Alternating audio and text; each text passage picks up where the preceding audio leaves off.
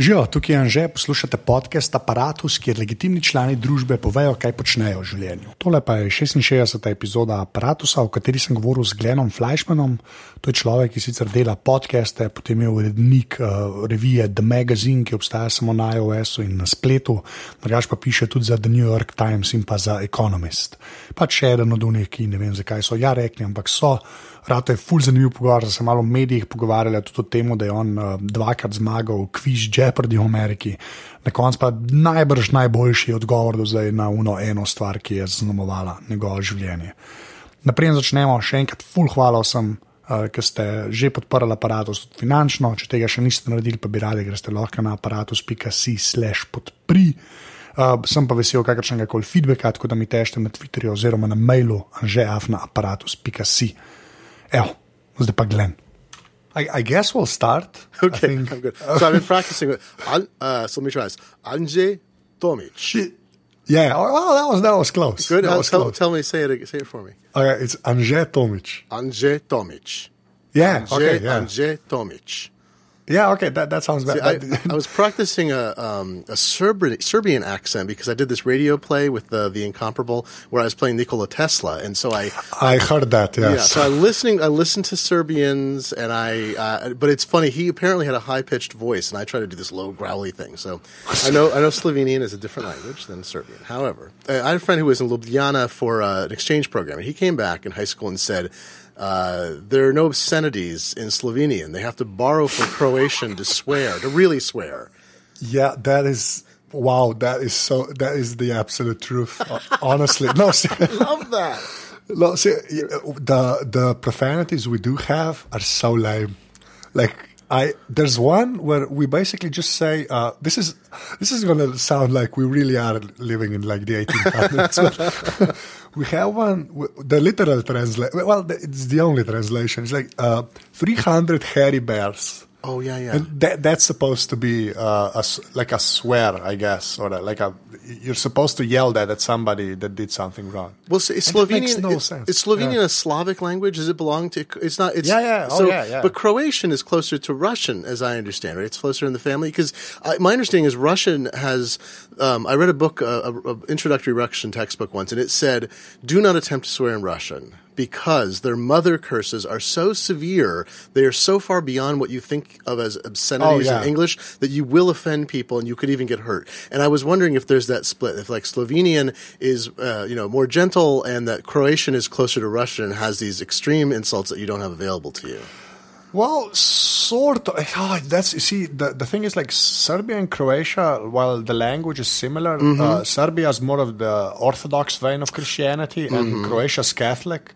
So, but it's the same language. So Oh, I I. I, get, I get. Well, the, I say the same. Like if anybody here heard me say that, like, that would not go over well. uh, like you have a couple of words that you kind of have to be careful with. But yeah, it's basically the same. And Slovene is sort of it's still a Slavic uh, language, but we uh, ours pretty. I maybe unique's not the right word, but I'll put it to you like this: like Serb, we all understand Serbian and Croatian, Yes. right? And they do not understand us. and it's not just the fact that we're smaller and stuff, and the, how- Yugoslavia was structured. It, it, re, our language is like it is different. Like it, I, I it's kind of hard to explain. You know, it's like a nuanced thing, but it's, it's, it, there's, uh, the difference is at least that big that you, it, it kind of gets lost on their Well, end. when? I, I was in Switzerland a, a few times, uh, not for huge periods of times, once for several weeks, and um, I know that's the thing. I, I meet Switzer, I meet people who speak Schweizerdeutsch in um, in America, and I'll hear people speaking. I, I had seven or eight years of German, and I was fluent at one point, um, but I can still, in a pinch, I can speak it. I will start talking to someone, and and actually words will come back. And uh, I'll be around Seattle, and I'll hear someone speaking, and I'm like, I should understand what they're saying, and I do not. And I'll often, I'm a friendly guy. I'll say, "Excuse me, are you from Switzerland?" They'll say, "How do you know?" And I said, "Because you're speaking a language I feel like I should understand. I don't." And they laugh, and we talk about Lucerne or something like that. I, I was in Basel mostly, so in in every city in uh, I don't know if this is true in Slovenia. Every city in Switzerland just about really has a local dialect. You can't be understand people Oh, from Basel cannot understand people from Lucerne and so forth to an extent that I I, I knew was true for in some countries for certain kinds of local dialect, but Switzerland it's extreme, and they only have the official languages they learn in school and they use officially. But everyone really intensely speaks their local dialect, like their city dialect, practically. Yeah, well, it's it's not that bad. Here. There is a region here where I, I just like nobody understands those people. Like it's the no, seriously, like the no, like, I think it's the northeast of the country. You, you, you know how what Slovenia looks like Mm-hmm. because it looks like a chicken, basically. right? So, no, seriously, just look it up in Google Maps. It looks like a chicken, but you know. Oh, I uh, see what you so- mean. Oh, that's hilarious. I see what you mean. Yeah, yeah, it really does. so the the the head part, right, where the beak is and everything, that's those people. I mean, when they talk to each other, I swear that just sounds like it's not Slovene. It's like it's on the border with Hungary, so it's sort of like has like Hungarian influences and stuff. But I And Hungarian is related to it's what the Turco, uh, it's the Finnish relative, right? yeah, yeah, which and- is yeah. That's Oh god, I'm so, I could talk all day about language. I have, I'm like a uh, what do you, I don't know called linguophile. I'm not a polyglot. I don't speak. I, I ha- speak a little bit of a bunch of languages, and German best after English. But um, I, I there's something about the persistence of of dialect and language in the face of like you know global culture and everything. I just think is is like the ultimate human thing that we want to speak what our mother tongue is, and we want to preserve it. I think it's great. Yeah, well, you, you'd love us because there's two million. Slovenia is basically two million people, and we have a language that's. I mean, I, I, I, I do not wish anybody like I don't wish it on anybody to learn. Oh, that's It's so funny. Have well, and then there's you know there's Romansh in Switzerland, which has I think only uh, what is it? There's like thirty thousand native speakers, but it's an official Swiss language. It was preserved to get Graubünden in and so forth. But that it's like this linguistic story of you know cultural hegemony. Yeah, yeah. Well, it's uh, Europe's weird when you think about it. like I, it's but yeah, but like Slovene has the duality, you know. So you have like a, a and we have six cases. So you know, um, That's not like, uh, so bad. That's not. So well, yeah, it's not- Icelandic is what well- twenty nine. I think you can't learn Icelandic if you're not from there. Well, yeah, but the Scandinavians are Uh, crazy, yeah. The- I talked. I talked about that with Merlin. That's just ridiculous. It's too much. Even the the, They should the alphabet is just yeah. it just gets. I don't know. I, I'm, we're gonna talk about the O with the line through it again. That's right. I just don't. It's great. I don't know. It's just, but I think I mean this is you know I think language is a way you express culture, and it gets preserved when the culture is being preserved, and vice versa. When languages die out or people lose that sort of cultural diversity and sort of blend together. I mean, America is this melting pot, and we all sort of speak the same. We all think we speak the same language, and you know, occasionally, like I'll be in England and I'll think, I'll think we're not really speaking the same language. We think we are because most of the words are the same, but culturally it's so different that we're not expressing the same concepts all the time. But we think we are. You can get huge misunderstandings from that too. Yeah, and like, um, and but over here, like the European Union, you know, uh, in the Parliament, th- they they want to preserve like each language Mm-hmm. Yeah. of all the member states, Yeah. and it's gotten like to this point where it's just ridiculous. You can just have like translators all over the place in Brussels because everybody gets to talk in their own language, Mm-hmm. right? So it just gets weird because now, like, the EU is, keeps expanding and just keep adding more people, and the parliament has like 700 MPs, and then you have to have translators to kind of service all of that, you know? Oh, I kind of love it that. just too, gets but- well, and Lithu- Lithuanian is Lithuanian is the closest living language to um, Sanskrit. oh, Or okay. yeah, it, people uh, linguists will go to philologists will go to uh, to uh, Lithuania to if, because it's it's Indo-European and it became it left was left uh, much more preserved in Lithuania than anywhere else. But Latvia and Estonia have languages that are much further off the tree. So Lithuania, for some reason, became slightly frozen. But it has a lot of things apparently in common with the the structure of Sanskrit. It's just bizarre. You're like, or the Finnish Hungarian thing. You're like, okay, the Finns. No, wait, where did the Magyars go? And uh, but it tells you know tells a story of migration. You, they're using language almost like DNA to track where people went to, and I, I don't know. They did this. Uh, the New York Times, uh, the most po- I think it was the most popular thing they published. I forget in ni- 2013 uh, was this interactive thing. You would you would go in and you fill out this survey. It was based on some uh, academic research. And you'd answer questions about what do you call a, a long sandwich on a roll, and uh, do you call it a sack or a bag? And there's all these really cultural things. And at the end, it would say um, you're most likely from this area and I filled it out. And I live in Seattle. I grew up mostly on the West Coast, and um, it said you're from upstate New York, and my parents both grew up in upstate New York. I haven't lived there since I was three, but apparently I talk like my parents. I mean, it was within like a hundred mile radius of. Oh, no, oh, it's like a, like a small, like an area area, not just upstate New York. yeah. Like, oh yeah, oh, yeah. I mean, they would put a map with like a heat map that would show, and I thought this is crazy. And other people, some people reported it being, you know, giving them a, a broad area, and other people were like, "This is practically the city I was born in." Oh, wow. Like, how does this work? Because we have, we don't think of ourselves in America. We know there's like people will say pop in one part of the country and soda in another, or sack and bag, or grinder, hoagie, subway, poor boy, like they're all words for sandwiches.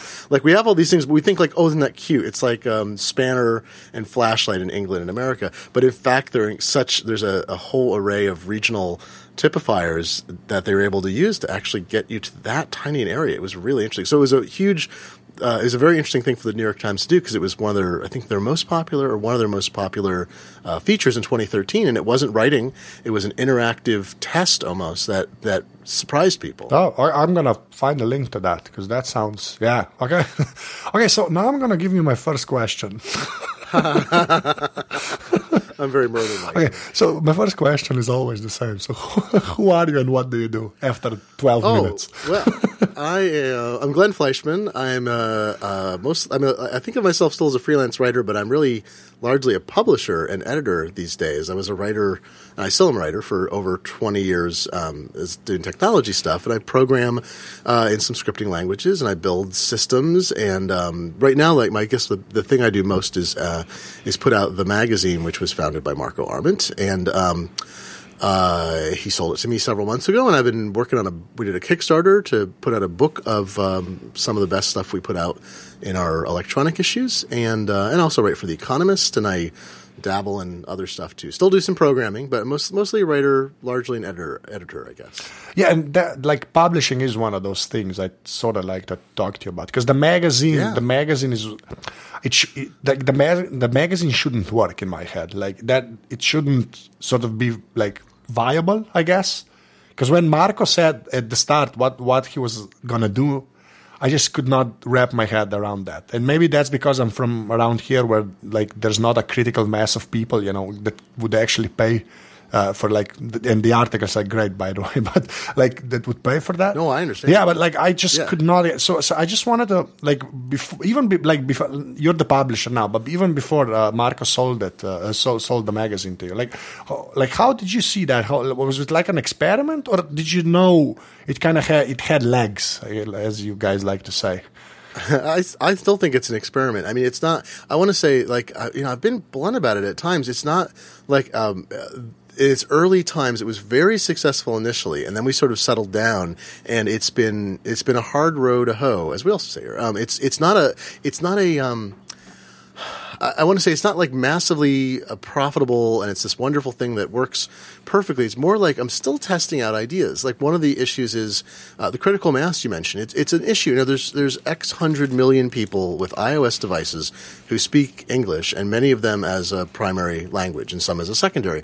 So conceivably, we're we're on sale in like almost every store, and we have subscribers in I don't know. I think I have 15 or 18 iTunes stores have got subscribers in. So uh, conceivably, even if it was just you know Americans and Canadians and Australians and people in, in England, which is where most of our our subscribers are, that's a huge audience. But the the disconnect continues to be how do we um, uh, people get this thing I want to call subscription or subscriber fatigue. Like they they subscribe and they read a bunch of issues and they forget to read it. Maybe they come back and then they're like, oh, there's so much unread and you know I've read all this kind of stuff. I, I don't need to subscribe to this anymore. It's two bucks a month and, and so I'm done.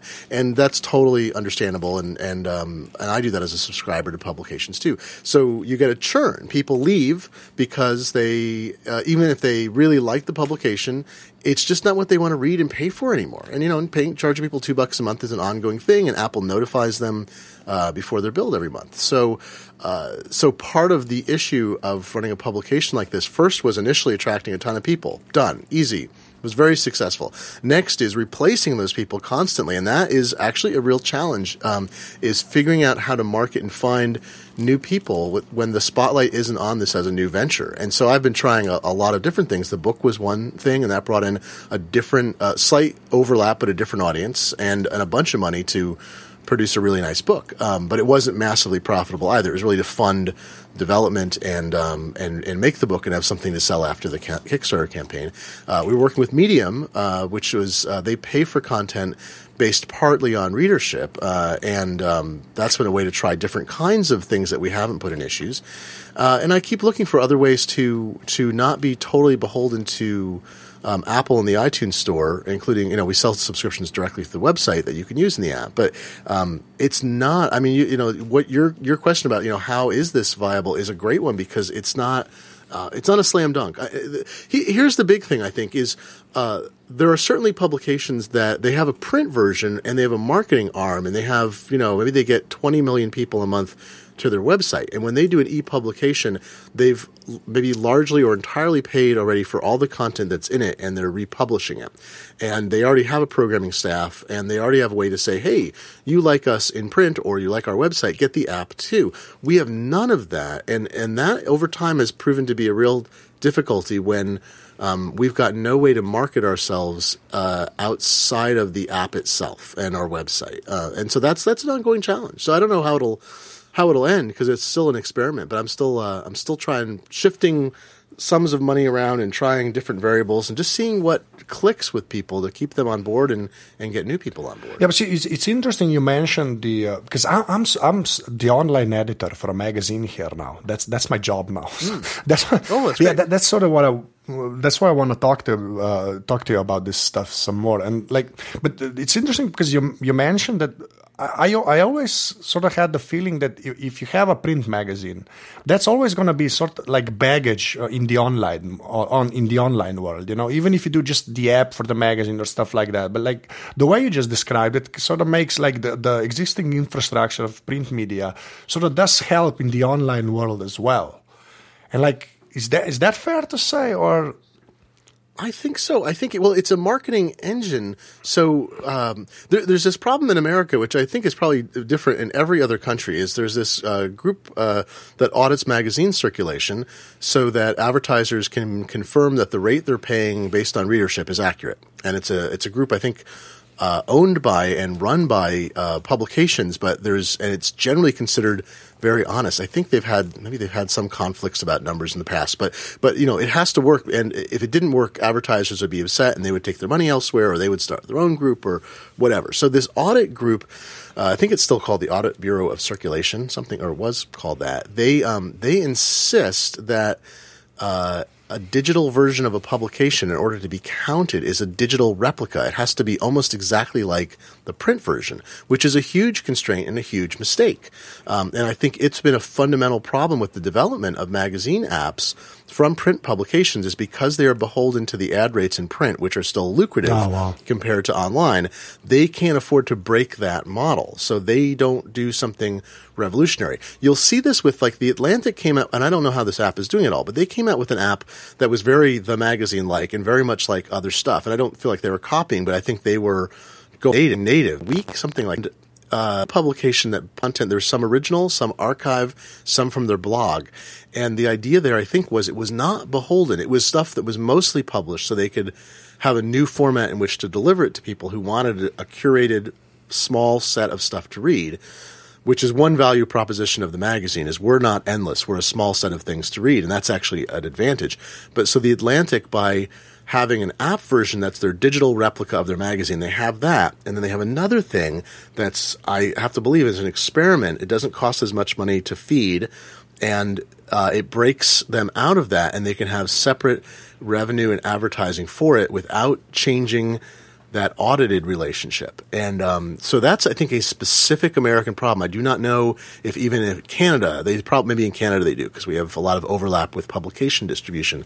Um, but that's been an issue. Like for years, I, I, did not understand why people didn't break out of their print replica, and that's and that's it. That explains so much. And I don't know why I didn't know this until a few months ago. Um, but it's also it constrains innovation because you have to, you know, all these publications have to have an app, and because if they're ad driven, they have to have one that's like the, the magazine in print or the newspaper, whatever. It constrains their ability to try new and different things. And then at some point, it'll it'll change because they will need to do new different things. The print revenue will decline enough. The uh, the yeah, and, app version will not do well enough, and they will have to suddenly do quite different things to find a path forward. See, and, okay, the, the quite different things, right? that quote. and I know that's a like a jerky question, basically. But like, what? Like, I'm not looking for like a definitive answer because oh, yeah, everybody's yeah. sort of trying to figure this stuff out. But like, what what does that mean? That that's as clear as I can make that oh, question. Oh, well, like, no, it's it's so they're like when the first iPad apps came out for publications, like people were like, "Oh my gosh, look at what Wired's doing!" And what Wired did is they essentially took something that was like a PDF. It was Adobe produced, and they put a couple interactive elements in it. And I found the navigation sort of horrible, and I didn't feel like it took any native advantage of the fact that you're on a computing device. It was a representation of a print thing in digital form, and they tried to do as much within that constraint. So the reason the magazine got attention when Marco released it was it wasn't the first, but it was maybe because it came from him and because of his connection to owning Instapaper, and maybe because people were dying to see something different. This idea of something that was completely broken from the constraints of the past. And he had there was no print component to be beholden to. There was no revenue stream to be beholden to. People seized on it. They said oh this could be the future of publications in uh, brow in mobile devices and browsers. You know it was it was seen as like it's an ipad app and of course it was more and it was a website and whatever. But it was um, uh, it was there are, i mean craig Mod um, wrote this great essay called Subcompact Publishing. Oh yeah, I, I, read that. Yeah. yeah, and so I mean, he spells it all out, and it's funny because Marco came out with it, then Craig wrote that, and it was like, oh, now you know, I had some ideas about it, now I understand it, and and Craig is really influenced my thinking about this too, and it's not that this is so, it's not that this new format is um, the only one or the most successful path forward, but it get, it gets away. It, it, tries to take advantage of the fact that you've got a multimedia device that's highly suitable for reading now because you have high uh, high DPI displays. So it's like paper. It's bright enough. You have battery life. You have all the things that um, make for a great reading experience, but you have things that are essentially a PDF in app form. So the magazine was no, this is a this is somewhere more like a web page. It's you know it's HTML5 is what drives all the pages in the magazine. It's more like a web page, but with parameters set to make it the best reading experience that the designer of the app thinks he can make in this case. So everything was optimized around um, the reader and the subscriber, easy subscription. Um, uh, you can run it on multiple devices. Uh, a finite amount of content, even though it was being delivered as a periodical, that was partly for convenience instead of continuously publishing, which overwhelms people. Little quanta of you know magazines. Every two weeks, something will come out, and there'll be at least a few interesting things in there for you to read. Um, even like some of the swiping behavior, like everything about it wasn't designed to put other stuff in front of you than the thing you wanted to read. Everything was designed to get out of the way so that you could read and to deliver stuff to you in a way that you didn't have to manage or cope with. And I think all of that was very powerful. So the related part of that is there's no ads in the magazine, so it's 100% beholden to subscribers, and that's great and bad. It means there's no other party. You know, the the the consumer, the reader, is not a product. The consumer is, uh, you know, we have a relationship. They're a patron, and I've pitched it that way, and I think it's true. Is that when you subscribe to a publication that has no advertising, you are the patron. Um, if yeah. there's no other money coming in, you're the person. If you don't subscribe, then that bit of money doesn't help defer the costs and doesn't continue it. So, uh, you know, over time, I, have pitched it a little more like that. It's a for-profit venture, and I'm not walking out with my, my you know, with my pockets comically bulging with coins. It's it's uh, uh, you know, like I say, it's it's an experiment. I have different lines of revenue for my own personal making a living, but it's um, but it's a very direct thing. Now, I'm not opposed to having advertising or sponsorship if it made sense and if I could have the right people where I wasn't bombard, I didn't have to structure it to bombard the reader, and I felt it was a value to them. That you know, on podcasting, I've got sponsors on my podcast, and I I like having them because I feel like um, it's not just the money part which makes it possible for me to devote time and hire an audio engineer and and um, you know some expense if I need to travel or have some audio. Like it actually underrates my ability to produce what I think is a is a podcast every week that has a certain you know certain kind of thing. So that's great. But the other part is I feel like having sponsors um, most of them have an offer for the audience. So I feel like I've got an audience that may need web hosting. If these guys are going to give 25% off, that's a win for my audience because they're going to buy it anyway. I'm not convincing them to buy a hula hoop. I'm convincing, I'm giving them access to something they may already know or not know they need. but it's part of what they do for business. And and so if I could find the same thing for the magazine, where there were sponsors that were um, in line with what I thought the readers did. So I'm not selling them crap, but I'm selling them. I'm giving them access to interesting things. It'd be possible, and that changes a patronage relationship too. But I really do think of um, in this model. So I'm not sure if I'm answering your question right. It's like no, no, no. A set of other things. That, yeah. no, but yeah, that, that's sort of okay. So, uh, just one more thing I want to touch on because Yeah. you said the uh, because it is still a peri- per- periodical. It's not a continuous, but, but uh, like the stuff doesn't. Yeah, but when you said it becomes overwhelming, I sort of agree with that. But I think that's a fairly well, a fairly new thing. That's a really a very internet thing, you know, that it sort of it feels like now if something shows up on your doorstep that's really thick and you have to you, you have to read it right? That's sort of i mean that didn't exist before. Like that was the magazine. That was the whole point of it. You know you, you you subscribe to a magazine and you got it to your door and then you'd read the whole thing. Well maybe not the whole thing but the parts you actually liked. And you know that was that's how you got your information. And i don't know how to reconcile that with the uh, you know the internet age where you're constantly bombarded with like articles. Let's set quality aside but like like when you said it overwhelms people like does the bi-weekly thing sort of work or is there like even a better way of doing that stuff or maybe a continuous thing is better like how, how- what are your thoughts on that I'm, I'm in the same boat about that question as you are. Is um, so there's this thing called completism, and I, I wrote something on my blog a year ago about it.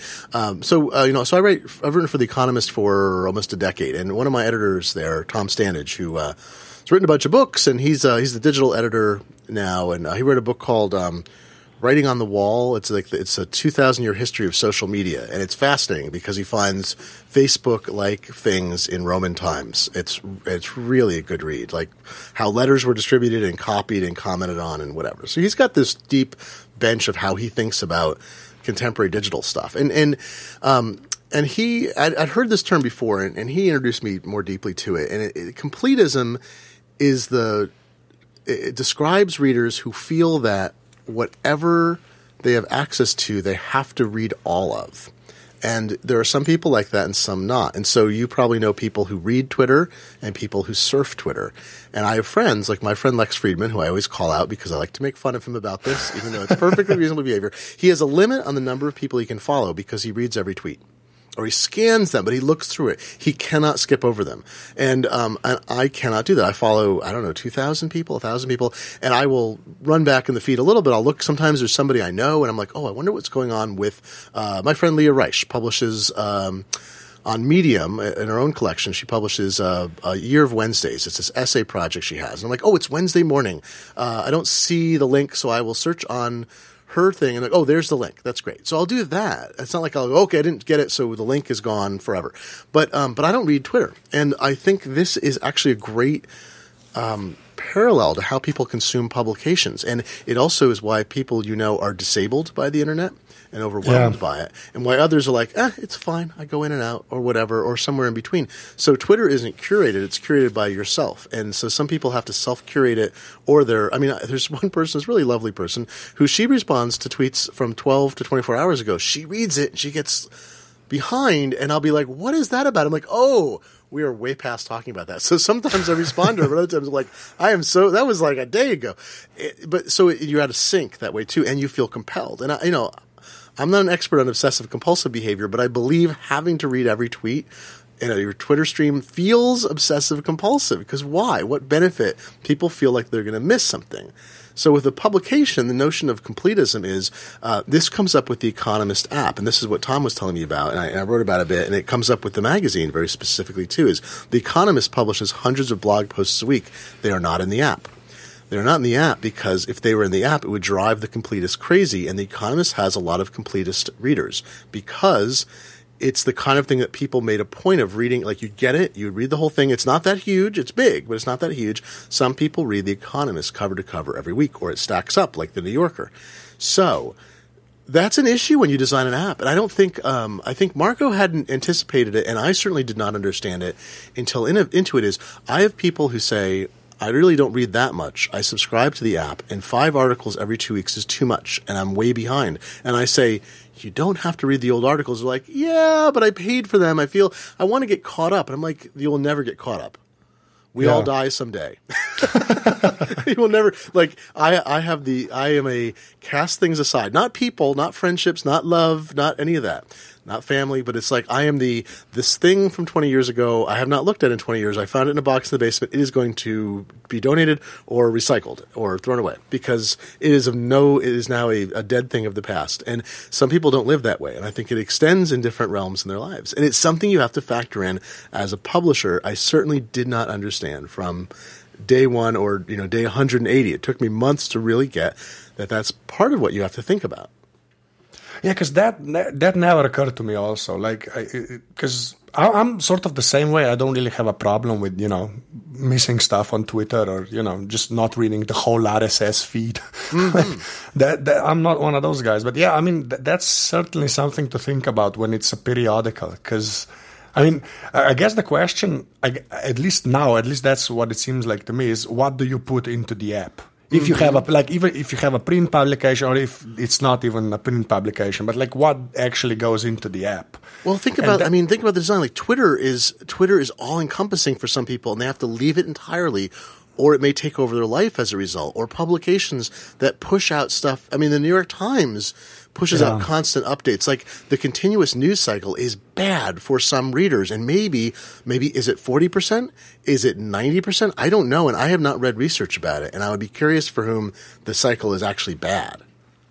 Yeah, because yeah, well, the New York Times is like a real extreme because that they, they, just churn out stuff all that. I mean, that's I don't like. I, have never been like in their offices, but I, I, just imagine there's like 30,000 people in there because there's no way you can output that much, basically, at least to my eyes. But okay, so um, with the with the magazine, so let's go to a con- concrete example.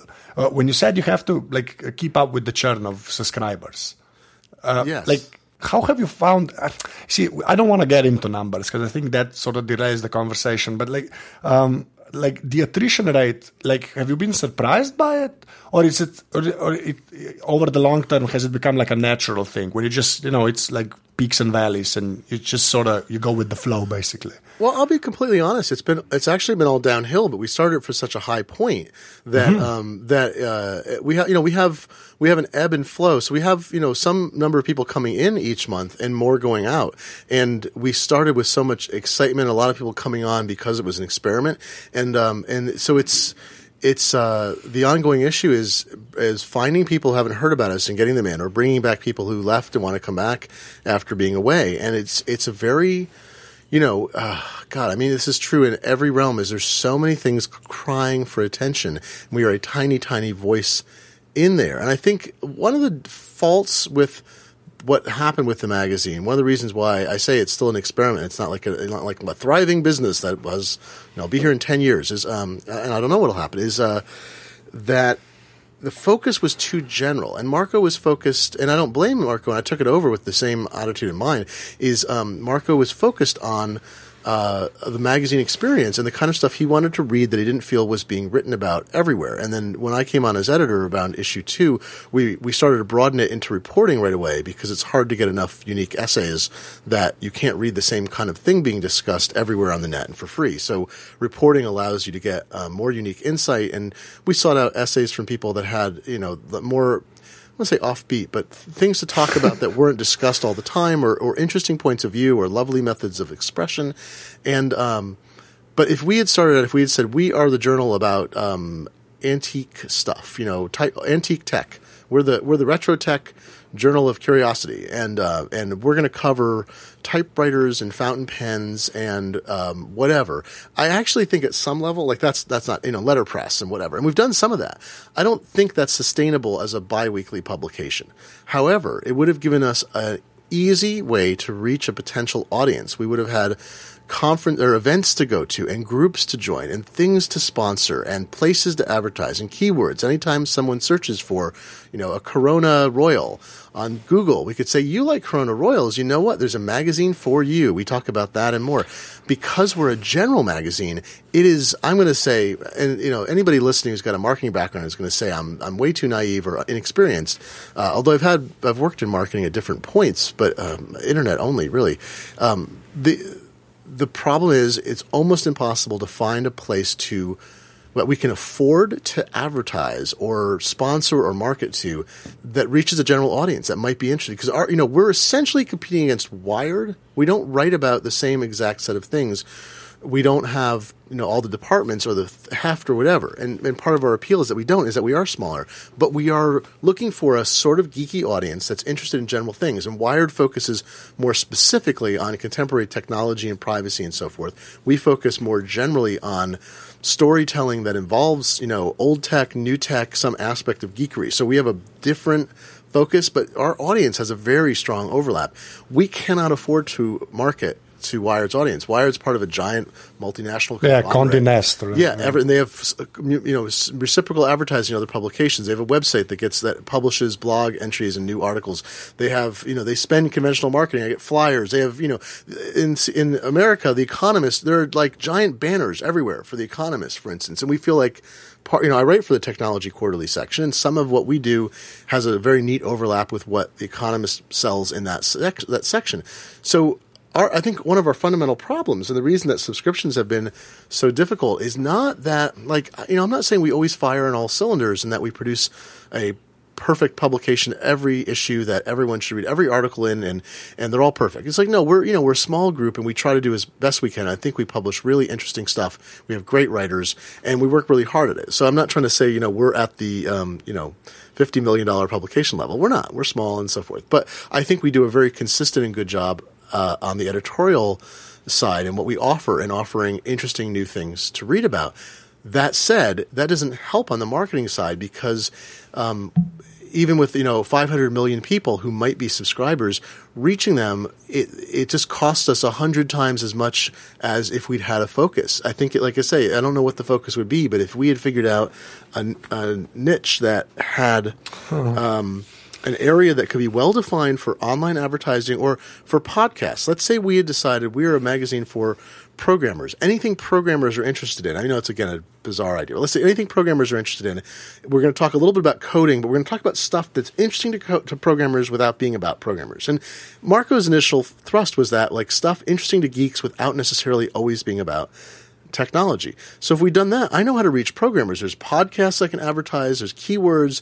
There's websites like, and it's it's mostly affordable because the audiences are small, and um, we could pay small amounts and see and get returns. So that's our fundamental issue: is we're so general, it's very hard to afford the marketing to reach the audience that we think could become subscribers.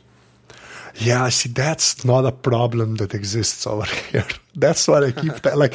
Every American or like uh, British person I talk to, like in my podcast, sort of says that how you know there's the, like like what you said. You basically have to sort of find a niche or a focus, right? Mm-hmm.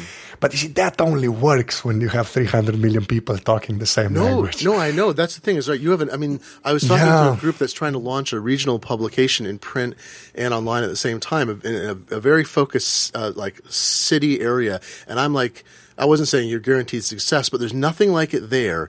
And they have a sufficient audience and they can reach all those people almost directly. Like they have the means through community groups and so forth. Their marketing, it's not that it's easy, but they have a very defined audience they can see around them. They can walk the streets and see all their potential readers. And I have a mar- large audience and I'm such a tiny, tiny fish. That's really the problem. Yeah, that's ah man. I, I I- I wish it, like I wish we could have those problems over here, but like oh, I know, but yeah, no, but seriously, that all falls away when you have two million people, right? That, mm-hmm. that's the whole population. Then when you factor out the people that aren't online, that I think that drops to about a million and a half, or maybe a million four hundred thousand. Mm-hmm. Now, take out all of the like really young people, like like even if we want the general to do a general publication, that's pretty much all you can do.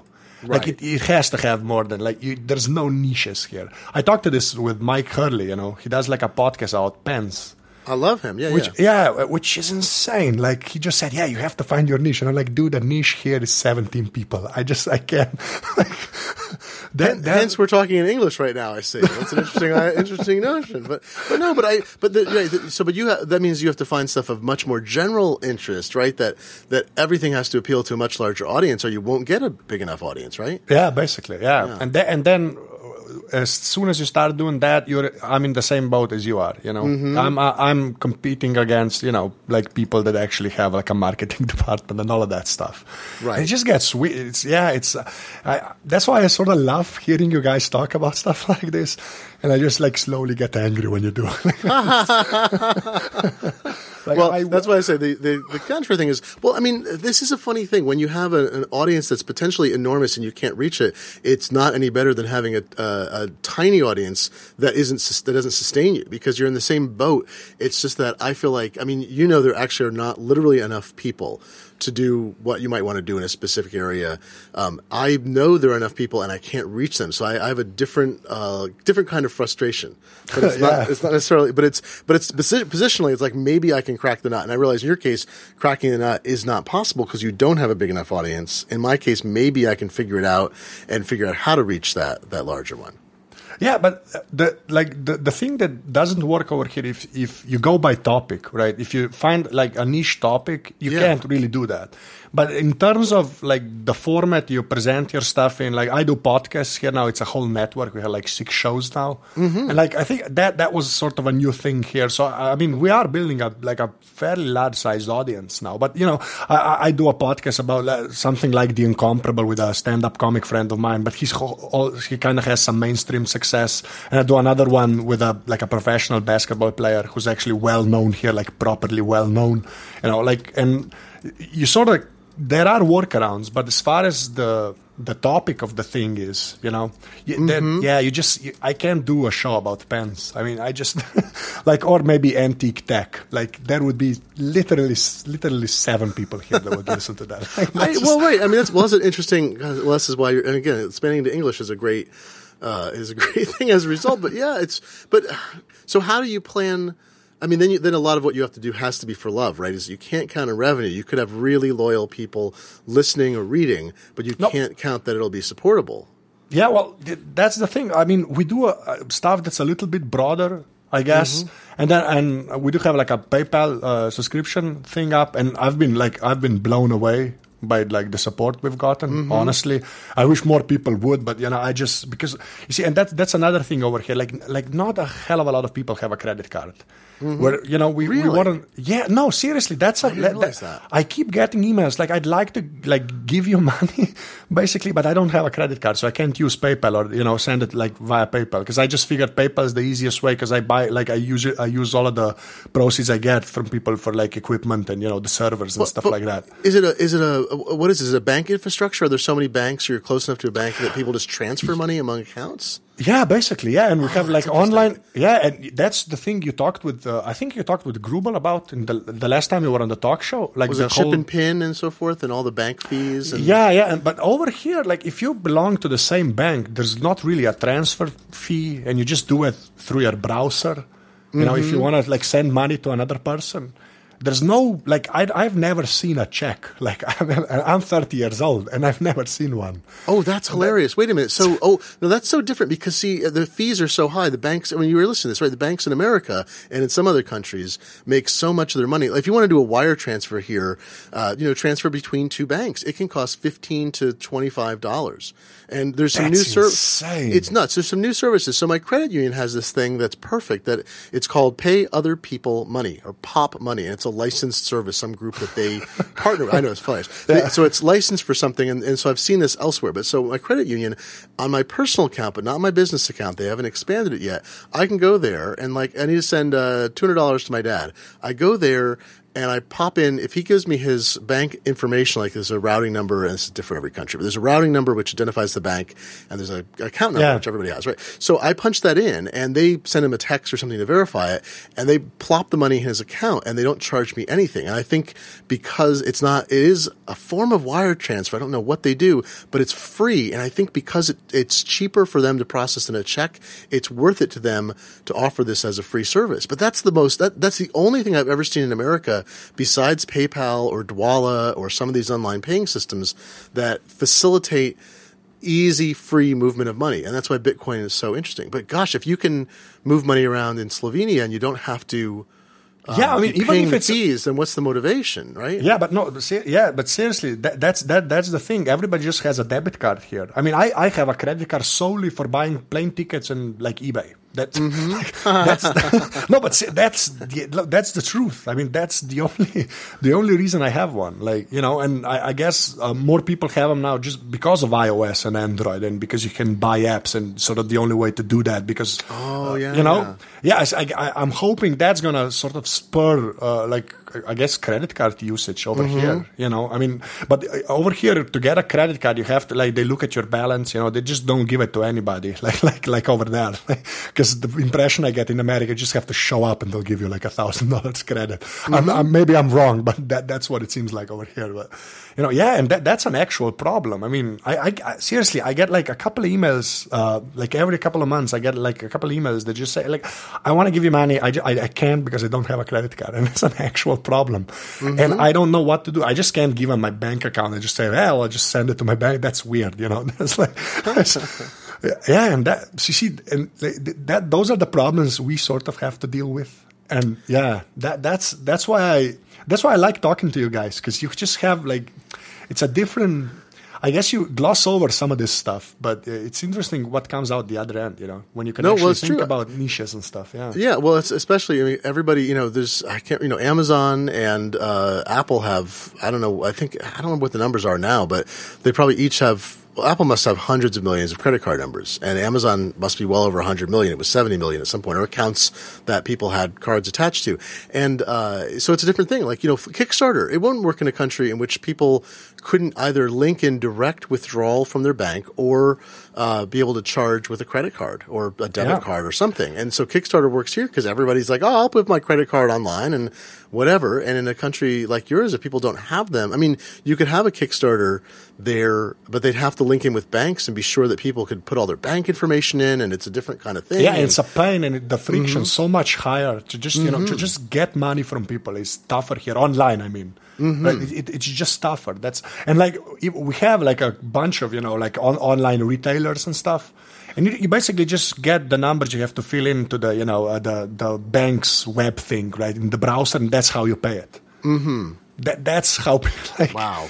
yeah, it's. I, I mean, I, I, I don't want to like give the impression that nobody has a credit card, but it's it's a credit card is not something just like it's not the basic thing you get from the bank over here. That's my point. Like it's you have to seek it out, Right. Like really seek it out. the The only thing you get is a debit card, and that's pretty much it. Yeah. And the, is a debit well, you can't use it. Can you use the debit card as a credit card number? And in America, all No. debit cards are essentially credit cards too. Well, yeah, with, with, with PayPal you can't. In Slovenia, they just accept credit cards. So there's you're See, poised for destruction. Is this a, so? There must be. Is there a regulator who is preventing this from happening? Are there state interests that are being protected, like a, I, I, a I have PTT? like I have no idea why That's things are. Yeah, but the thing is, like when I listen to you and Gruber talk about, and you just said like a bank, tra- like a bank to bank transfer, if it's not the same bank, it's like fifteen or twenty bucks. Yeah. That's insane. I mean, here there is a fee, but I, I know I'm gonna like I'm gonna just pull a number out of my head, but it's it's nowhere near a euro. Like Mm-hmm. it's it's it's not, like you you get a fee if you pay like the electricity bill with my bank. I think it's like thirty six cents or something. Like if And- you do it online. And we pay. I mean, that's the thing is we pay a fee on the credit card size. We're paying two to three percent per transaction. It's just hidden in the transaction, right? So we we Yeah. are paying. If I if I have a hundred dollar credit card transaction, three bucks of that plus, and maybe even more if you carry all the overhead. It, I'm paying three bucks. I just don't see it.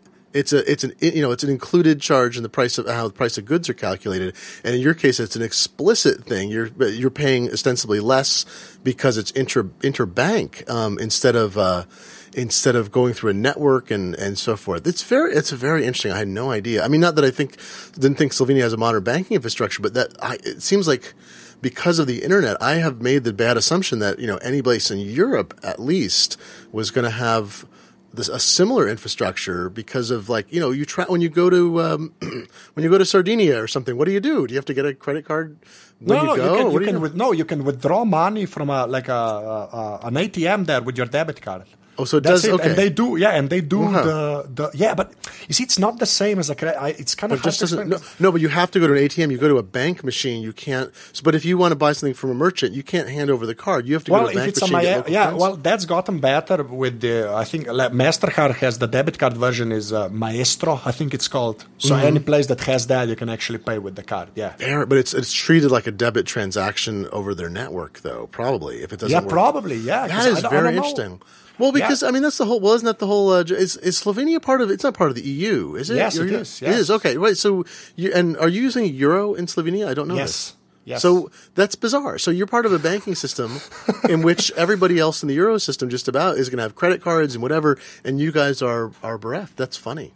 Yeah, but no, I mean, you can get a credit card. It's not like, you know, just not, not a lot of people do because there's no, I, I don't know what the incentive is to get one, except for online stuff It would and cost more to do everything. That's the so the banks are giving you yeah. See, the banks are giving you an incentive to not get a credit card. They, but that's weird because most places people well, we have this issue. Part of it is when you're doing bank transfers, you have to have the money. In America, we're horribly indebted, right? We have, Yeah. and that's because of credit cards. The average household has I don't know what it is after the economic slowdown, but it, the average household has is it fifteen thousand dollars? Some there's some very large number, and people then turn to home equity because home equity, well, the, the home equity loans were cheaper. So your home would have appreciated in value during the run up in the 2000s, and you take hundred thousand dollars out and feel like this was free money. Then the crash happens, and your house is suddenly worth below your total loan value and you're paying money on it and you can't sell your house, you can't refinance your house. Uh, but that shifted money from credit card debt into essentially increasing your home debt or what you borrowed against your home.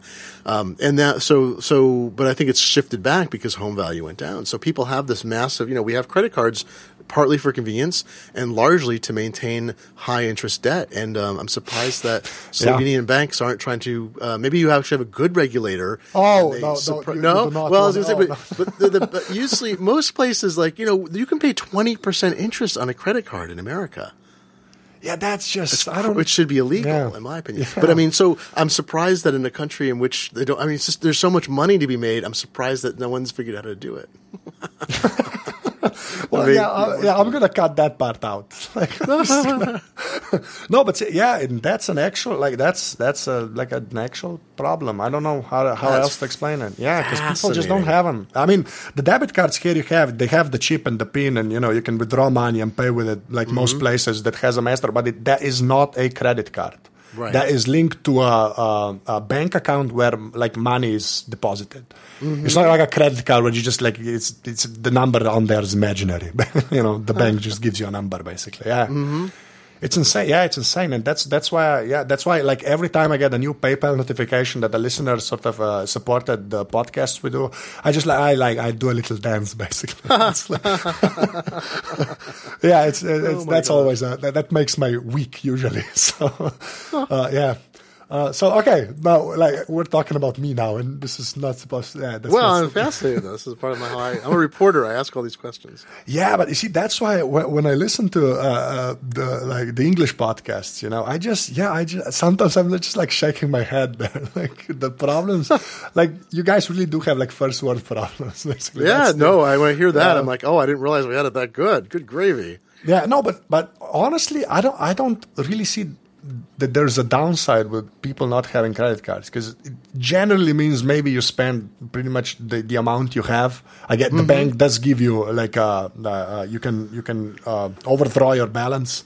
Yeah. Even on a debit card, like they do give you that, but they sort of are kind of careful. But the banking situation here is uh, I'm, I'm uh, effed up. That that's how I'm gonna uh, say it. 'cause the- we have like this big national bank that gave out this like ludicrous loans to people uh, Oh, uh, yeah. during the Ramba to 2008, and now like everything basically fell apart, and that's why our economy is just like barely. Al- it's not even alive. Like that's yeah. It's pretty grim here, uh, economy wise. Like yeah. Oh, that's too bad. I'm sorry to hear that. That's fun. Yeah. But, but but that's odd. That's what's odd is that you'd think credit cards would be a huge project that was product that was pushed, but everyone's leery because uh, um, it extends more credit, which makes things worse if there's not the credit. You know, if the people default because we have that. We have huge default rates on mortgages and everything here too. So, huh? Yeah, it's you see that's what happens when you have two million people. Things get weird because mm-hmm. yeah, the the usual rules sort of. At least that's how I see it. I'm gonna yeah. I'm speaking outside my comfort zone now, but yeah, that- it's, it, it gets we get like we don't get all of the benefits, I guess, of the you know the the the I'm gonna say the Western world. But even like we don't get a lot of the crap as well, you know. we sort of, yeah, it, it works both ways, I think, and uh, yeah, it's worked out pretty well until about uh, four years ago, five years ago. That it really went like just uh, yeah. I'm not gonna sweat again. uh, yeah, yeah. Uh, ah, let's just forget our economy. Okay, I, I do have a couple of more questions. Okay, that's great, though. I know. It's okay.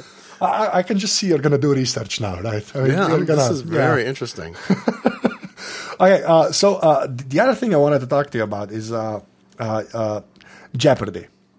Oh, which is, yeah. which is a thing. I don't know how many people that are going to listen to this here. I, I mean, I, I'm guessing they do know what Jeopardy is, but I, I, I'm, I was trying to find like an old link if we had a licensed version of that game show here, and I don't think so. I, I, I think it never sort of no no TV station bought uh, the license and made like our own version. Yeah, because it's a weird thing. No one would ever want to watch Jeopardy outside of a country in which it was made because the questions wouldn't make any sense anywhere else. I think it was shown in, it may still be shown in Canada. I think it was shown in Australia for a little bit uh, also, like a number of years ago for a few seasons. It was syndicated there. Um, but yeah, it's a very particular thing. It's like uh, the weakest link. It's like the questions in weakest link on the UK would make no sense in the US. Yeah, but you see, we did have the weakest link. I mean, That- we yeah, got, that yeah, and we had Who Wants to Be a Millionaire. and We also had that, I guess, of the big franchises. But yeah, Jeopardy, I guess, never came. So, so I'm just going to recap here and just tell me if I'm wrong at any point here. So, uh, the show. Uh, you basically answer questions and you have money and you basically bet that money and if you get the questions right you make more money that's pretty much the gist right i mean sort of Yeah, you answer. Yeah, you. Um, it, the the game mechanics are pretty straightforward. Is there's a board full of questions, or well, they're called clues. They have dollar amounts, and there are some wild cards where you can, uh, if you get the wild card, you can bet up to the top amount that's currently on the board, or uh, up to the entire amount in your kind of bank account that you currently are maintaining during the game. And then there's a final round. So there's two rounds of that.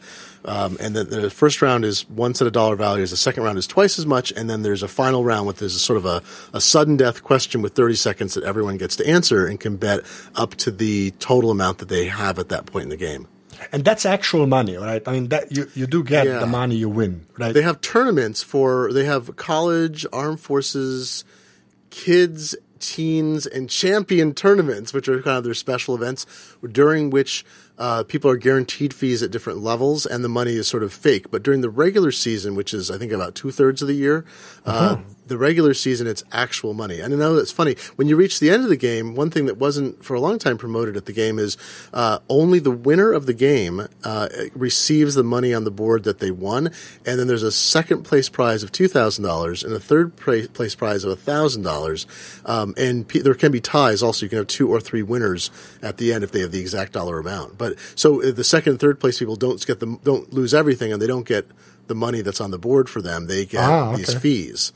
Um, which is great. So people walk away with something. You have to pay your own airfare and hotel, and so even if you come in third place, you still get thousand dollars, which would cover you know all of that or more for from most of the country to get to Los Angeles. okay, so and you're like you're a two-time champion. Which what does that mean exactly? Well, I went, like, I went down. So they tape five programs a day, typically back to back. So they do. We'll do like ten shows over two days, and with some small gaps in between. So you get there, and I I played. I was there on a Tuesday and a Wednesday, and on Tuesday I watched three games. Then my name, my name was called. I went up on stage and I played. And won one game, then the next went off and slept, came back, and then played one more game and lost. And on TV, that was a Thursday, Friday, and Monday. About two months later, the way it was. okay, so yeah, it's all pretty tight and stuff, like Yeah. way in advance, I guess. Uh-huh. yeah, they have to do Okay. that. Oh yeah, because I, I I- I sort of know the I've seen you know I've I've seen the SNL like sketches and stuff, but I've never actually seen like a, a an hour. like, It's an hour show, a half an hour. I don't, I don't. I don't know why. I don't know. It's thirty. It's a thirty-minute show. They usually do it back to back with Wheel of Fortune, which I find um, horrible. oh, we used to have Wheel of Fortune. You see, that's another one we used to have. Yeah. Oh, that's easier, right? Because then you can change. Say you have a licensed version, you have different words, but it's, it's straight, more straightforward. Jeopardy is an intensive program. It makes. It used to have, uh, I think, 25 million regular viewers, and now it's down to eight or nine. But it puts out. I mean, they make a lot of money off that show in syndication, and it's intensive. They have people writing year round. You know, thousands and thousands of questions and stuff gets thrown out, and some of it's timely, so it has to be up to date. And mm-hmm. uh, I mean, you see all these writers sitting out front when you're sitting there and you're on the on the show, um, and that's just a fraction of the people working on it. So it's a very, I mean, it's a very intense show to write. It's a very specific format to get questions that fit in the squares that can be answered that most people at home will know and that most of the contestants will know, but won't seem too easy at the same time. It's a very been, particular thing. Yeah, and it's been running for a while now. I mean, this is like a it's decades now. Thir- right? Yeah, I mean, well, it, yeah, it's run. It's had three or four versions. It was even a rock and roll Jeopardy at one point. I know, okay. crazy, but ran, I think it was originally in the '60s. There was a, a great host, Art Fleming. I think. I remember, no, no, he, yeah, Art Fleming. I think was the original host. Which, as a, a, kid in America, I watched him.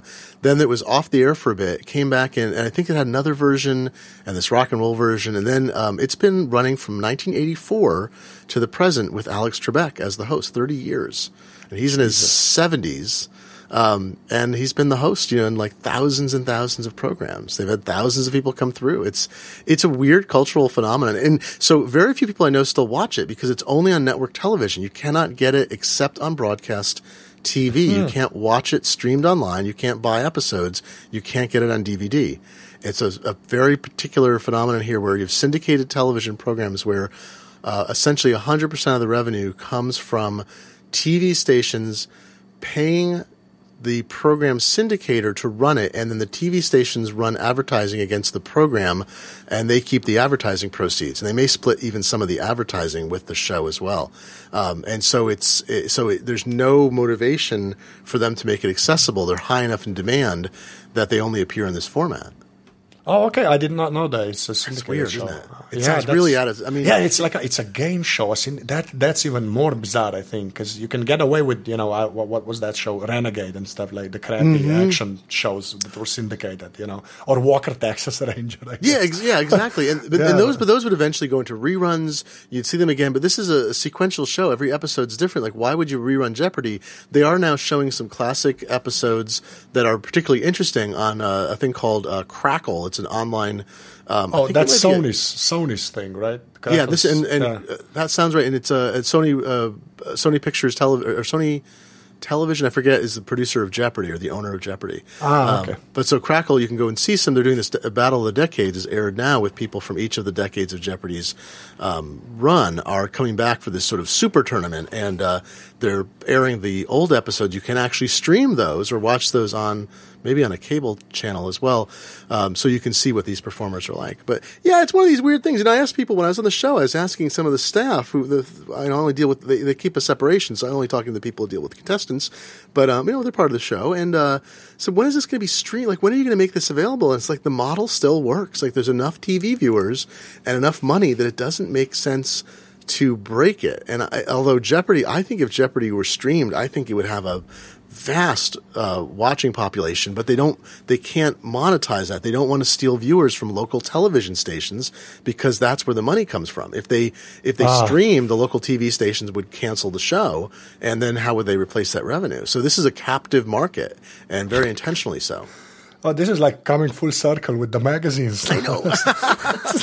scarcity is an amazing thing. Attention and scarcity are the two contending factors in all media. Is is yeah. people have a, finite amount of attention, and if you make something they really want scarce, then you can charge more money for it. And um, if you make something abundant, then you may get more people. But then you go from uh, this is always the thing in America we talk about. Uh, turning dollars into pennies when you go from print revenue for a publication into online. Is your eyeballs are worth less because the medium attracts uh, less intense attention and it's measured more precisely, and so the results tend to be more brutal. Um, so if you're getting a dollar, you know, in one scenario, you're going to get a penny online, and uh, I think the same is true for TV syndication. Is they know that people want to watch Jeopardy, they have a dedicated audience, and if they only make it available in one form, they have to push people to broadcast TV, which means people see the ads and the advertisers are happy. Yeah. Of course, we skip. Oh, the man, ads. I watch I- it with my boys, and we skip. We fast forward. Oh, okay. Well, yeah, TiVo and stuff, yeah. But I just, I, I wish I could forward like 15 years into the future and just see how all this shakes out. Because the dollars and pennies thing, that has to like work itself out somehow. I just have no idea how. Like, that's the. Yeah, okay, we're gonna go into that again, and we're not. we're gonna. Yeah, I have a. I have one more thing. I wanted Oh, to. yeah. Well, it's uh, it's more like more, maybe even more of a compliment than a question. But uh, uh, the new Disruptors Yes. uh, is, is a show you do, which I'm a uh, huge fan of. Oh, thank And, you very much. Like, yeah, basically the, the, the main reason I wanted to have you on, and it's the second to last thing I want to talk to you about.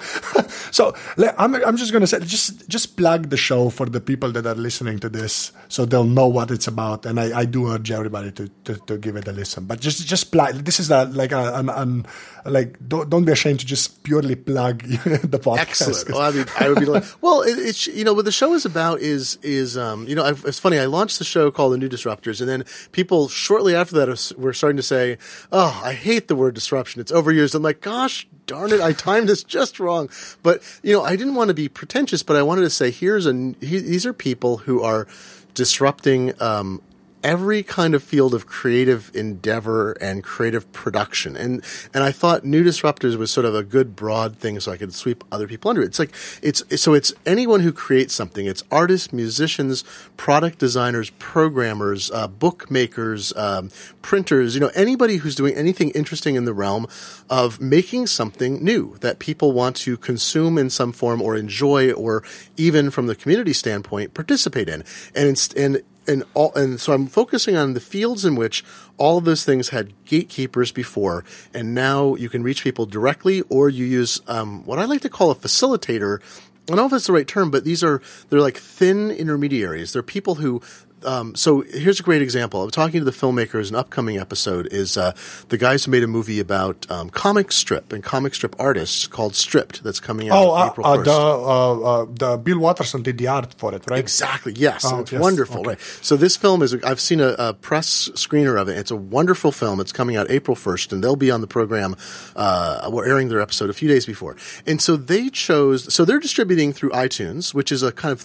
Uh, which iTunes is weird. It's not a gatekeeper in the way the old gatekeepers were, but they take a big chunk of money and they are very picky. So they are a bit of a gatekeeper, but they're not exclusive. And that was the old thing. Like a lot of gatekeepers were not just uh, picky, took a big, controlled you creatively, maybe owned you, um, and took a big chunk of your revenue. Uh, and they controlled scarcity, right? So you can't get a movie into the theaters unless you go through all these hoops, and there's no other way to see a movie. And this was true with books. You have to get into the bookstores. You have to get in the magazine stand. You have to get into the record store. All of these things involved a lot of people and all these gatekeepers that controlled scarcity to increase value so the show is about the idea that not only can you reach people directly, like Jonathan Coulton can sell music from his site, but what facilitates him selling that as well is not only did he build an audience, and there's all the interesting things about him, is that something like PayPal or Stripe or um, or you know or even credit card companies allowing you to take credit card charges online and only charge you three percent. Like all of these things led to Jonathan Coulton being able to make a living from his career and uh, and Kickstarter being able to facilitate the collection of money in these rewards based systems. So, the, so these stripped filmmakers, um, they're going to use a, so they'll launch on iTunes to get a bigger boost, right? But then they're going to go to, I forget if it's the second or third day, they'll be on VHX, X like X-ray. And um, VHX.com is a DRM free distribution platform with streaming and downloads. And you can get an account, but then you can download a link and you download the film. And there's none of this like, you can only do it in certain places, at times this country, the time the moon has to be in alignment. It's like, no, it's totally open. And VHX takes, I forget what it is, it's a very small percentage of each sale. And so VHX is as much a facilitator of um, stripped being a, a thing to dis- to be uh, distributed as Kickstarter was to allow Strip to raise the money as um, Final Cut Pro is as a way for the or whatever they maybe use a different tool. Final Cut Pro is a way to make a film as um, you know all these as, as Twitter is a way for them to find people. Like all of these things conspire. So all the tools are now available, and many of them are very cheap or free, or they want a sliver of a percentage. Where before none of the tools were available, or they were very expensive, and everyone wanted you know ten percent, twenty percent, fifty percent, and to tell you what to do. So the whole show is about what happens when you can uh, express your creativity to the full extent that you want to without someone telling you you don't meet what we want to do. With and, and we and rather rather they want to fill the pipe. So I talk about this a lot about um, the new intermediaries, these thin thin intermediaries. They want to keep their pipe as full as possible. VHX, their business model would does, does better if they have a billion films available than if they have a million and it doesn't cost them more. There's storage costs and whatever, but but it doesn't. It, Kickstarter it, it, Kickstarter maybe at some extent, if they had a million projects, it would be worse than a hundred thousand. But they don't put an upper bound on it. The, the ability for people to put time and effort into making a campaign is the upper bound on Kickstarter. Um, who else was I talking to recently? It was that thing about uh, um, you know this is what drives telecommunications networks: the dumb pipe versus the smart pipe. A dumb pipe is you know data goes over the pipe, and the interests of the operator is to keep the pipe as full as possible because that's how they make their money is a full pipe. The smart pipe is you control the ends and you make everything as scarce as possible so you can force people to buy your stuff at the ends. And this is and so the telecom metaphor works even in this whole area of like art and commerce. And so every week I've got somebody different on um, and I try not to focus on any particular area of creativity, and I do try to get these intermediaries on. Um, you know, so I've had um, uh, Kickstarter CEO was on, and we talked about that. But you know, I've also had Jonathan Coulton, or I had. Um, well, who recently? D- Dylan Meconis, who's a cartoonist in uh, Portland, is on an upcoming episode, and she's done all kinds of interesting stuff through Kickstarter and running her own career. And so, and it doesn't always have to be a crowdfunding thing. It's how does someone take control of their career, and where do the technological tools aid them in doing it, as opposed to hinder them or become a, a preventative from them doing it. Okay, that's well, yeah, okay. That, I, yeah, I'm just That's gonna. the show. Yeah, that's the show. No, but seriously, I'm I'm, I'm, I'm a huge fan, so I just want people to Thank know you about the show, much. basically. Yeah. Okay, so I do I do this thing with every guest where I ask about their hardware and software. That's that's uh, uh so I'm just gonna ask Oh, you, yeah. you know, uh, yeah, your computer and your phone and your tablet. Oh, uh, that's funny. Well, I'm I'm an all Mac guy, not an all Apple guy, not by um, uh, being ornery about it. I'm not a fanboy. I just this stuff works for me, and I've used Windows, and I have Linux. I mean, I've, I do have a bunch of virtual Linux servers running where all my servers uh, deal with. But I've got a, a Mac Mini. I had a, um, a Mac. Uh, oh gosh, what was it? I don't even know what it was. I had a one of the cheese grater models. It was a Mac Pro 2007 model, and it would not take Lion. It refused to update to Lion, and it drove me nuts. I have these weird crashes, and the hard drive failed in the middle of it. And finally, I'm like, this is 2012, so it's a five year old machine. And finally, I'm like, I do not have the time to do this. So I, I go, you know, I'm like, there's an Apple store nearby. I'm like, I just need to buy a Mini to replace it. I can't get, a, I don't want to get a new Mac Pro. They're too expensive. And I realize, I look up the specs of the Mini. I look at all the benchmarks and everything, and I realized the Mac Mini that I bought for maybe thirteen hundred dollars is more powerful than this fifty-six pound Mac Pro that's five years old. I'm like, fine, and it also could take more memory and came with a bigger. And I'm like, and it you know, and it's two pounds and it's one sixteenth the volume. So, and what's the irony, of course, is a couple months later, Apple released a. I think I had the very last.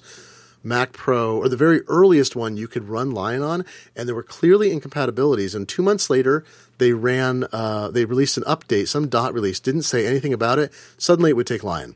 So, because I was installing it, I sold it to a friend. It cost almost two hundred dollars to ship. Cross yeah, I can imagine.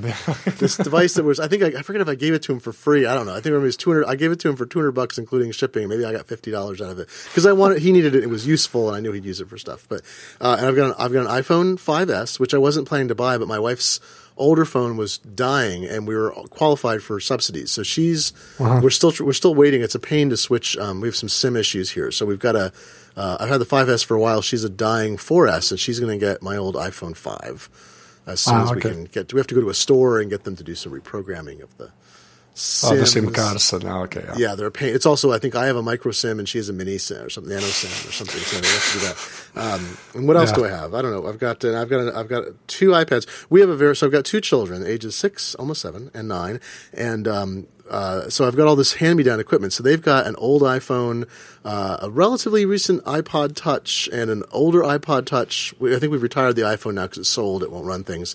They've got a hand-me-down iPad 2 that I replaced with a. I got a gift of an iPad 4.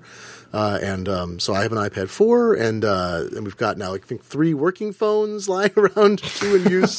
one we've got to swap. So it's a it's a I, I think all and my wife has a laptop. My kids have a laptop because an old one they were using just died, so we decided to get them.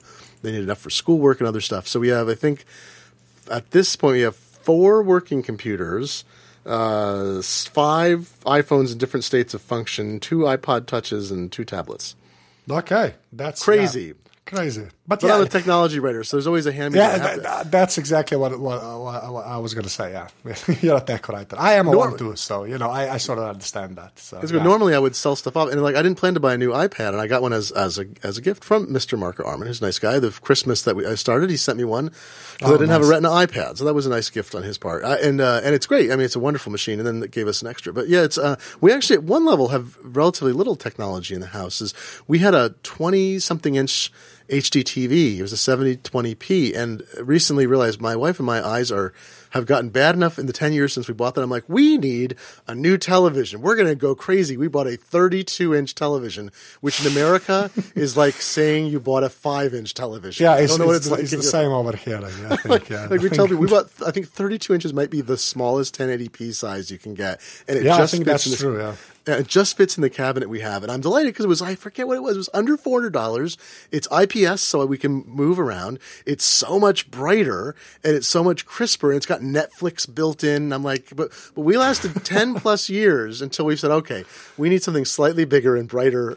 For Yeah, on a ten-year-old LCD TV. That's yeah. I'm delighted by it. yeah, Glenn, my hat's off, man. Ah, it's just- We try. We try. I mean, I have five year old Mac Pro. I try to not spend. My wife, we call in this household, we say my wife is the early rejecter. I'm an early adopter. She's the early rejecter. And I'll say, honey, don't you think we need? She's like, we. You're. I'm like, oh, you're right. We don't need it. Or I'll say. Apple just came out with a new uh, Mac update, and she's like, "Great, tell me about that in six to eight months when it's at the dot two or dot three release." and I say, "You're the smart one here, not me. yeah, me." smart woman. Yeah, I was about to say that. okay, so uh, I usually ask about software, but since you do use a, an iPad, I usually ask like for like tablet specific apps, but uh, apps and like the ones you actually use. If you could name five, like you actually use, not just the you know flavor of the month stuff. So Oh, that's funny, you know, because I actually, it's weird. I recently had to create a folder because there's things that I use all the time and I forget to go to them. Um, I have a weird set of apps I use. So, I mean, I use the New York, I mean, my own app, I will say, but uh, I'm in the New York Times app all the time. I resisted subscribing because I think their fees are too high, but I eventually uh, gave in. I read the New York Times, I feel like, all day on it. Um, I use uh, Google Maps. Um, uh, Apple Maps still is not great for me. I use Tweetbot. I live in Tweetbot, and um, and I also uh, I use um, uh, a Fitbit, and I like I'm in that app regularly because I want to see where I'm at in terms of of um, steps and so forth. It's a really nice little app. Um, and then I'm trying to think what my number five app is. I have to look at my um, uh, uh, you know I'm I'm on the iPad. I think what I have launched a lot of the time when I'm on there is I don't use it that often anymore. I use it to to view things and test things, but I'm either on a laptop or my iPhone most of the time when I'm like enjoy consuming something. But when I'm on an iPad, the Comixology app, um, I'm a Ah, big comic okay. fan. So that's kind of like I think Comixology is probably launched is like thirty to like if you excluded Safari.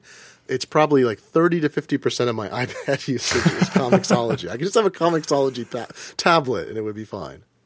Okay, uh, and then my last question, which is also always the same: uh, if you had to pick one piece of tech that's made the biggest impact on your life, I know it's like a like a hippie question, but bear with me. Like, what would that be? If you had to pick one piece of tech, Well, I'm going to give you a funny answer. Uh, okay. well, I, I've gotten funny answers, so th- that's not a problem at all. So, The biggest piece of tech is I had a blocked artery uh, that I found out about last year. I have a, a stent in my heart, and um, it prevented me from having to have open heart surgery.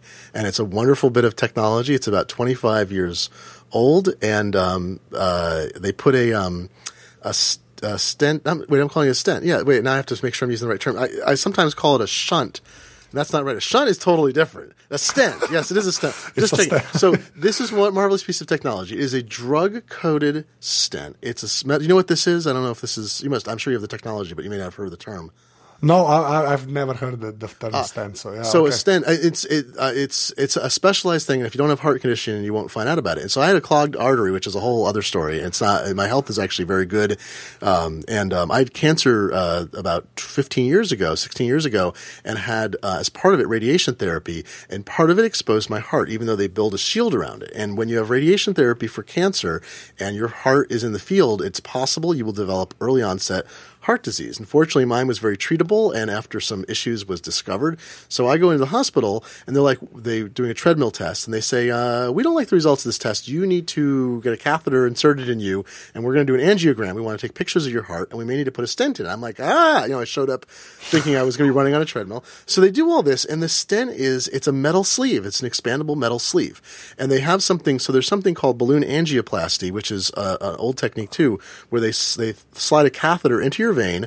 They take pictures first, and then they slide this thing in and they inflate it, and it opens up the vein. It pushes all the fat and plaque and stuff off to the sides, and it can prevent it. But but that's one technique.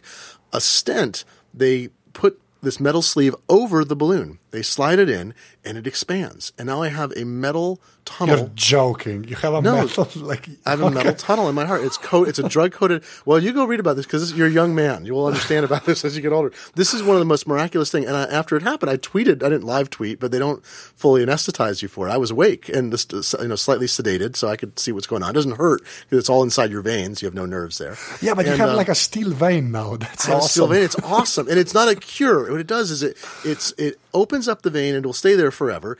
Um, but it, it, it gives me the time to make any other changes. So the drug you know, drug changes I need to make, or lifestyle, or food, or whatever, exercise. And I was actually doing a lot fine. It was the radiation therapy that really yeah, yeah. the hangout. And I have a very good prognosis. They're very happy about the response. But but it's a great piece of technology. It was it was put into uh, heavy use starting about 25 years ago. It's sometimes overused. Like there are other techniques that can be used. George Bush, George uh, uh, the younger George Bush, just got one put in, and and a lot of second guessers are like, he didn't need a stent. He should have done. The doctor is over. Whatever. Um, we have yeah, but that's like that's a metal vein. That's it's awesome. great. It's great. It's a it's like you know the you know the, do the thing the Chinese finger trap. Oh yeah, the, put, yeah, yeah, yeah, It's just like that. You, they you pull it out and it's got uh, it's connected so that it's it opens up like a it's got a mesh in it. So they open it out and it extends and um, it just it keeps that it's a it's a opens it keeps the tunnel from collapsing and uh, and it's great. And so my heart heals around it and it's drug coated so that it resists um, platelets and uh, uh, form uh, uh, from sticking. And I'm taking a bunch of medication, some long term and some short, that prevent that from getting clogged. But uh, I, it's not that I wouldn't be alive without it, but I probably would have had, if this were 25 years ago, they would have opened up my chest and done vein grafts and God knows what.